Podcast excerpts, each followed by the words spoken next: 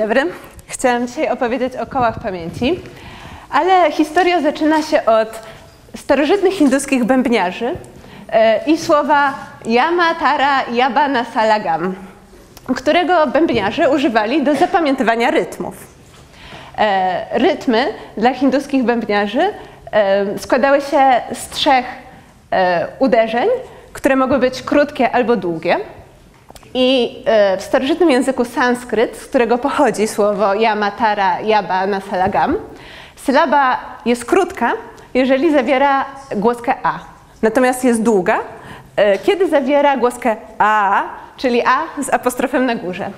E, dla przykładu pierwsze trzy sylaby ja, ma, ta to sylaby krótka, długa i długa. Teraz, żeby ułatwić sobie trochę analizę tego słowa, możemy przyporządkować krótkim sylabom e, cyfrę 0, a długim sylabom cyfrę 1. I te dwie cyfry w dalszej części prezentacji będę nazywała bitami. Tak jak widać na rysunku. Teraz e, trzem sylabom ja, ma, ta będzie odpowiadała trójka bitów 0, 1, 1. I w reprezentacji binarnej słowa yamatara, yaba na salagam E, te pierwsze trzy bity znajdują się tutaj na pierwszej pozycji. Znaczy, no, pierwsza trójka to jest ta trójka, o którą chodzi. E, inny przykład, trójka nasala, czyli trzy krótkie sylaby, będzie e, jej odpowiadała trójka bitów 000, no i też możemy ją znaleźć w binarnej reprezentacji sylab tego słowa. Okazuje się, że słowo ja matara Java Salegam zawiera wszystkie możliwe trójki bitów, które tutaj wypisałam, a tutaj możemy je znaleźć e, w reprezentacji binarnej tego słowa, a tutaj jakim e, rytmom i jakim e, sylabom odpowiadają. Zauważmy co więcej, że ciąg, który reprezentuje sylaby słowa yamatara, yaba salagam, zaczyna się i kończy od tych samych bitów o wartości 0 i 1 na początku i na końcu. Z tego względu ten ciąg możemy przedstawić nie na linii, tak jak tutaj, ale na okręgu. Przy czym okrąg zostanie sklejony, początek okręgu z końcem na tych pozycjach, na których są powtarzające się bity. Symbolicznie wąż zjada swój własny ogon. E, taki okrąg, który skonstruowaliśmy w taki sposób, nazywamy właśnie kołem pamięci. W tym przypadku jest to koło pamięci trójek, bo na takim kole pamięci znajdują się wszystkie trójki, wszystkie możliwe trójki bitów. Trójka zer, trójka jedynek, jaką Państwo sobie tylko wybierzecie, to tutaj jest. No i o takich kołach pamięci będziemy rozmawiać na tej prezentacji. Po co komu koła pamięci? Na to pytanie odpowiedział w 1874 Emil Badot, który skonstruował pierwszy teleprinter. To znaczy taki, takie urządzenie, e, które pozwalało zapisywać otrzymaną e, drogą telekomunikacyjną wiadomość. E, wiadomość, która jest przesyłana przez pewne łącze telekomunikacyjne, na początku jest reprezentowana przy pomocy bitów. Z tego względu, że w ten sposób dużo łatwiej taką wiadomość możemy przesłać. Tutaj mamy jakieś tam przykładowe przyporządkowanie liter, w których byśmy intuicyjnie wyrazili wiadomość, E, trójką bitów, czyli trójka bitów 000 będzie na przykład odpowiadała literze B, trójka bitów 001 literze E i tak dalej. E, teraz rozważmy przykładową wiadomość, którą mogliśmy otrzymać. E, wiadomość tą na początku podzieliliśmy sobie na trójki, a potem poszczególne trójki musimy zdekodować przy pomocy tej tablicy podstawieniowej, która trójką bitów przyporządkowuje litery. No i e, zaczynając od e, Okej. Okay. Zaczynając od. E, coś mi przestał. A, jest. E, zaczynając od e, trójki 1, 1, 1. Możemy spróbować zdekodować przy pomocy tablicy, przechodząc po kolei po wartościach tablicy, do momentu, aż znajdziemy literę, której ta trójka odpowiada. I wtedy tę literę możemy zapisać i przejść do kolejnej trójki. I w ten sposób jesteśmy w stanie z łatwością zdekodować cały tekst. Teraz ta metoda wydaje się dość prosta, natomiast e, okazało się, że konstrukcja maszyny, która by wykonała tę pracę za nas i dekodowała takie teksty binarne do postaci e, zawierającej litery, było dość trudne i e, w czasach Badota nikt takiego czegoś nie potrafił zbudować. Taka maszyna powstała dopiero 40 lat później. Tymczasem Badot do konstrukcji e, teleprintera, czyli też maszyny, która będzie zapisywała ciągi binarne w postaci liter, użył właśnie kół pamięci. E, tu mamy przykładowe koło pamięci e, mm, i na brzegu tego koła zapisaliśmy litery, e, przy czym każda litera jest zapisana na początku trójki bitów, przy pierwszym bicie z trójki bitów na wysokości jakby trójki, pierwszego z trójki bitów, którą dana litera reprezentuje. Teraz Badot wymyślił taki sprytny sposób, w którym dane koło, które na boku miały zapisaną literę, no różne litery przy różnych położeniach, takie koło się obracało E, i było zatrzymywane przez wysuwające się i chowające metalowe piny, które odpowiadały e, reprezentacji binarnej, e, która odpowiadała literze, o którą chodziło. No i wyglądało to w przybliżeniu tak. Znaczy koło się kręciło i było zatrzymywane na przykład w pozycji wskazującej przez brak pinów, czyli 000, jeżeli to miała być litera B, w pozycji wskazującej literą E, jeżeli tylko tam jeden pin wystawał na odpowiedniej na odpowiednim miejscu. E, literę E reprezentuje trójka bitów 001, e, dla litery L zatrzymywało się tak i tak dalej. Teraz używając e, teleprintera Badota, znowu mogliśmy zdekodować ten sam tekst, który dekodowaliśmy wcześniej przy użyciu, przy użyciu podstawień. Kolejne trójki, no koło się obracało, zatrzymywało się co chwila i wtedy sczytywano stan, który reprezentowała dana trójka. No i w ten sposób mogliśmy znowu e, zdekodować tekst. E, teraz, żeby móc wyrazić dowolny tekst, oczywiście nie wystarczy nam trójka bitów, e, bo ona pozwala zakodować tylko 8 liter. Musimy, żeby zakodować cały alfabet, musimy użyć co najmniej 5 bitów. W związku z tym Badot użył nie koła pamięci trójek, ale koła pamięci piątek, nieco większego. E, I tutaj e, mam filmik, jak działał taki teleprinter. Znaczy, oczywiście to jest model e, zbudowany na, jako analogia tej maszyny, którą stworzył Badot. To jest nadajnik i odbiornik. Nadajnik miał pięć klawiszy, które wciskano. Jeżeli dany klawisz wciśnięto, no to bit, który mu odpowiadał, miał wartość 1. Jeżeli nie został wciśnięty, to wartość 0 i taki operator po prostu naciskał te klawisze i wtedy różne piątki bitów były wysyłane. Natomiast odbiornik działał w ten sposób, że koło się kręciło i co jakiś czas e, był przytykany do niej e, fragment papieru, litery na brzegu koła były unożone w atramencie, no i jak, jak co jakiś czas było zatrzymywane w odpowiedniej pozycji, którą wskazywały piny, papier był przytykany, no i maszyna wypisywała tekst.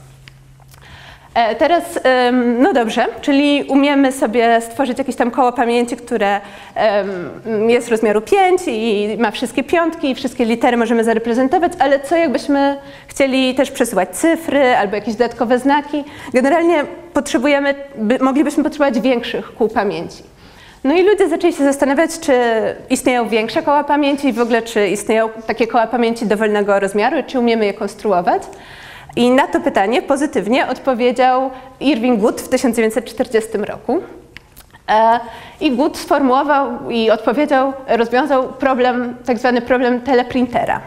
Ten problem brzmi tak. Skonstruuj najdłuższy ciąg okresowy składający się z elementów 0 i 1 taki, że każdy podciąg R elementowy nie pojawia się, nie pojawi się w nim więcej niż raz.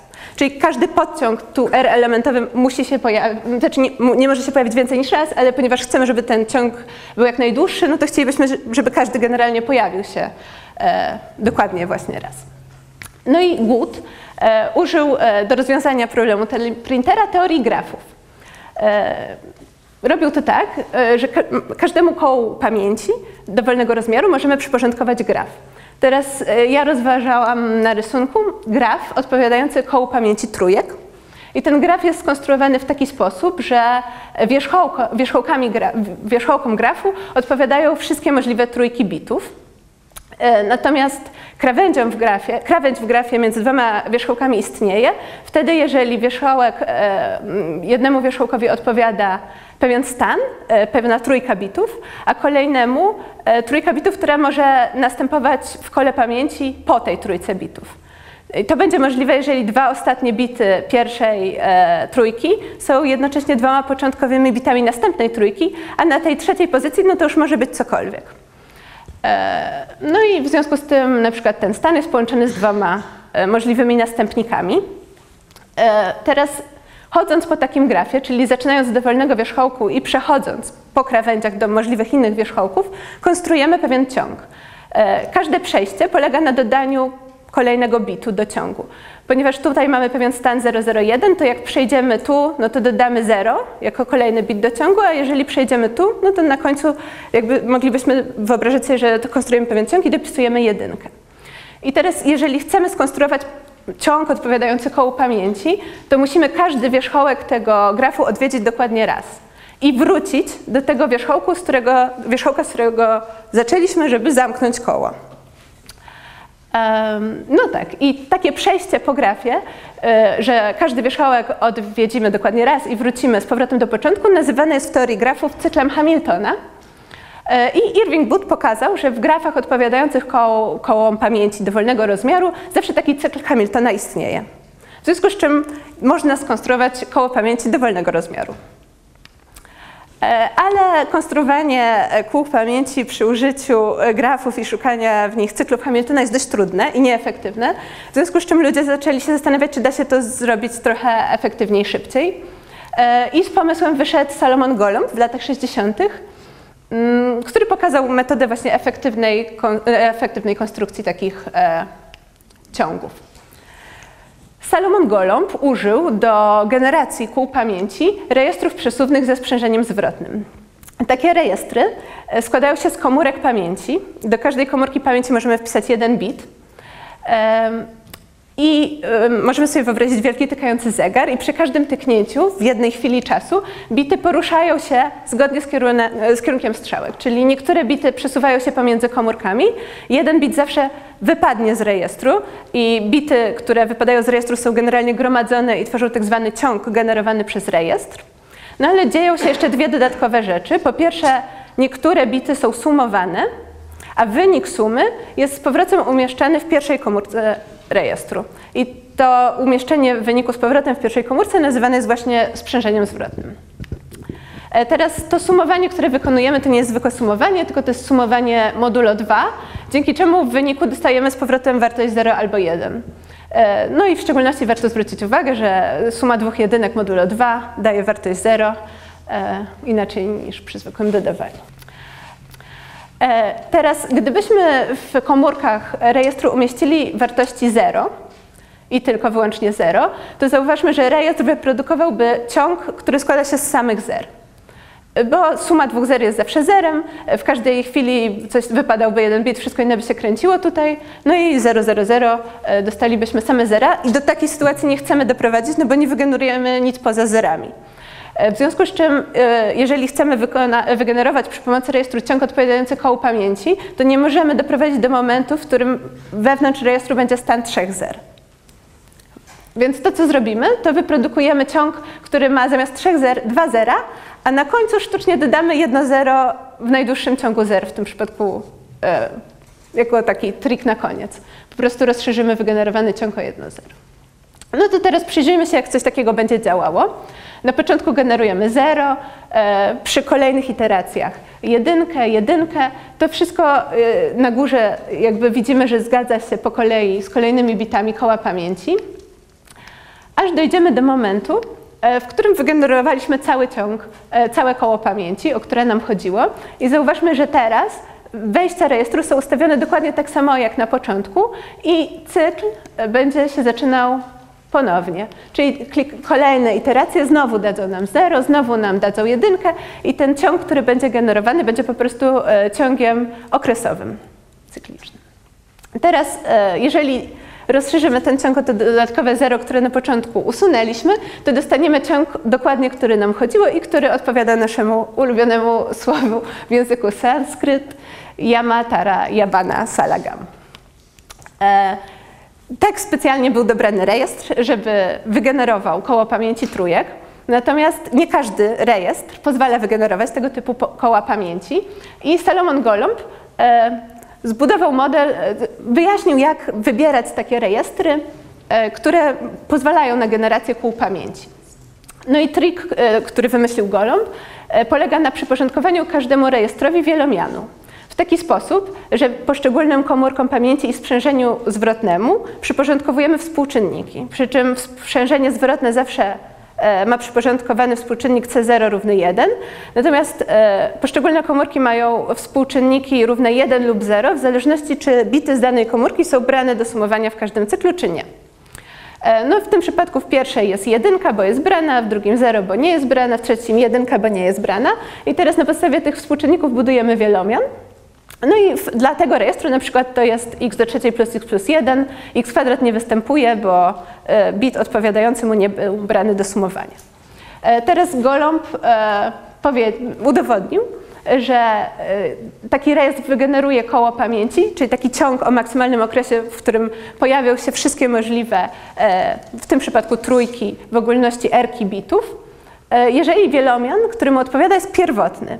I teraz pierwotny to oznacza, że jest nierozkładalny, czyli nie da się rozłożyć tego wielomianu na iloczyn dwóch wielomianów niższego stopnia, i coś jeszcze, o czym zdecydowałam się dzisiaj nie mówić, ponieważ nie umiałam tego ująć w prosty sposób, ale każdego zainteresowanego odsyłam do wielu e, prac i książek, które napisał na ten temat Golomb. E, teraz jeszcze chciałam powiedzieć dwa słowa o zastosowaniu e, takich kół pamięci, które są bardzo dużego rozmiaru i które są generowane właśnie przez rejestry. I kluczowa cecha takich ciągów jest taka, że są bardzo trudne do odróżnienia od ciągów losowych. E, I takich rejestrów można używać jako generatorów ciągów pseudolosowych, przypominających losowe. I z tego względu takie rejestry są używane do generacji kluczy w szyfrach symetrycznych, e, systemach kryptograficznych, które szyfrują e, wiadomości zareprezentowane jako ciągi bitów, ale w taki sposób, że każdy bit jest szyfrowany oddzielnie. Teraz szyfrowanie polega na tym, że bit do bitu wiadomości dodawany jest bit klucza z ciągu generowanego przez rejestr i w ten sposób otrzymywany jest szyfrogram, w tym przypadku C. Taki szyfrogram jest wysyłany przez łącze telekomunikacyjne jakieś do odbiornika, a po stronie odbiornika wykonywane jest deszyfrowanie, które polega na dodaniu tego samego bitu do szyfrogramu i w wyniku od, y, można otrzymać wtedy bit wiadomości. Y, Deszyfrowanie działa poprawnie, ponieważ jeżeli dodamy dwa te same bity, to tak naprawdę dodamy 0, bo niezależnie, bo równie, 0 plus 0 modulo 2 jest 0, tak samo 1 plus 1 modulo 2 jest 0, więc te dwa bity e, się skasują i w wyniku dostaniemy wiadomość. Oczywiście ten system zadziała dobrze, e, wtedy, tylko wtedy, jeżeli e, rejestry będą odpowiednio zsynchronizowane, to znaczy dla tej samej, tego samego bitu wiadomości wyprodukują w danej chwili czasu jakby te same bity klucza. I teraz e, konstrukcja systemu telekomunikacyjnego musi zapewnić odpowiednią synchronizację tych rejestrów, co jest rozwiązywane na różne sposoby, ale to już inna historia i tym chciałam zakończyć. Dziękuję bardzo za uwagę.